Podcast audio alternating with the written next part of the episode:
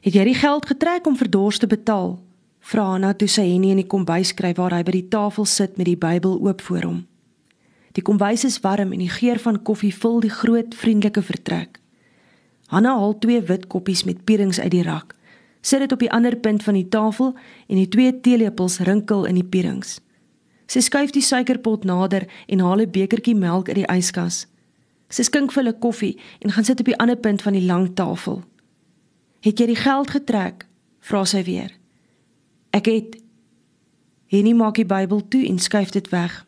"Ek het, want ek betaal dors 12 uur wanneer hy klaar is." Ek weet nie hoekom hy so gretig is nie, maar hy het goed gedors en hy seker haastig om sy darling en sy kindertjies by sy eie huis te kry. Ek sien hy is so haastig asof iets hom jaag, sê Hanna. Solank ons net môre ontslaa is van die las wat oorlede Jopie op ons skouers kom laai het. Dink jy ma en pa sal later oorry om Cathy te kom groet? Vra Hanna. Henny lag. Nie om te groet nie, miskien om net seker te maak die spul is regtig van Varkensfontein af weg. Na al die jare sal ek wors en eiers vir ontbyt maak, vra Hanna. Nee, ek is op pad dorsvloer toe. Al moet ek self begin sakke toewerk, sal ek sorg dat ons teen middagete klaar gedors is. Henny trek sy baadjie oor die trei aan voordat hy uitloop. Buite slaan die koue ysig teen sy gesig. Dors is reeds op die dorsvloer. Die trekker loop en die masjien spoeg al blare in die wind. Dors is bepaald haastig om huis toe te gaan. Dinge roer vanmôre, dink Henny hier teen 11uur toe Hanna vir hulle koffie stuur. Nog net 'n paar sakke. Dors is al aan die opruim.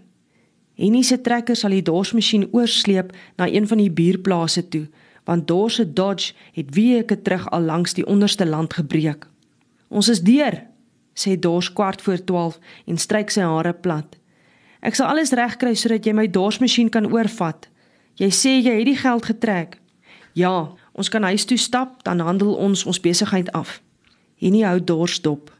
Dis al asof die man vandag op sy senuwees is, asof hy pal om hom rondkyk.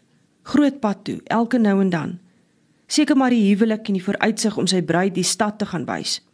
Hy het gesê hy sal so oor 'n week of 2 weer op Varkensfontein aanry wanneer hy sy dorsmasjien kom haal. Die laaste sak mielies is al op die wa gelaai om skuur toe te vat toe die vreemde blou bakkie uit die groot pad uit in Henny se plaaspad indraai. Henny ken nie die bakkie nie. Dis nie een van die bure nie. Toe hy na Dors toe draai, skrik hy vir die man se gesigsuitdrukking. Bliksem is al wat Dors uitkry. Bliksem. Wie's dit? Vra hy nie, maar Dors antwoord nie. Henny kry die indruk dat Dors sou vlug as hy kon, maar die nuwe bakkie kom reguit Dors vloer toe. Dit is 'n groot dik man wat uitklim en sy hand na Henny toe uitsteek.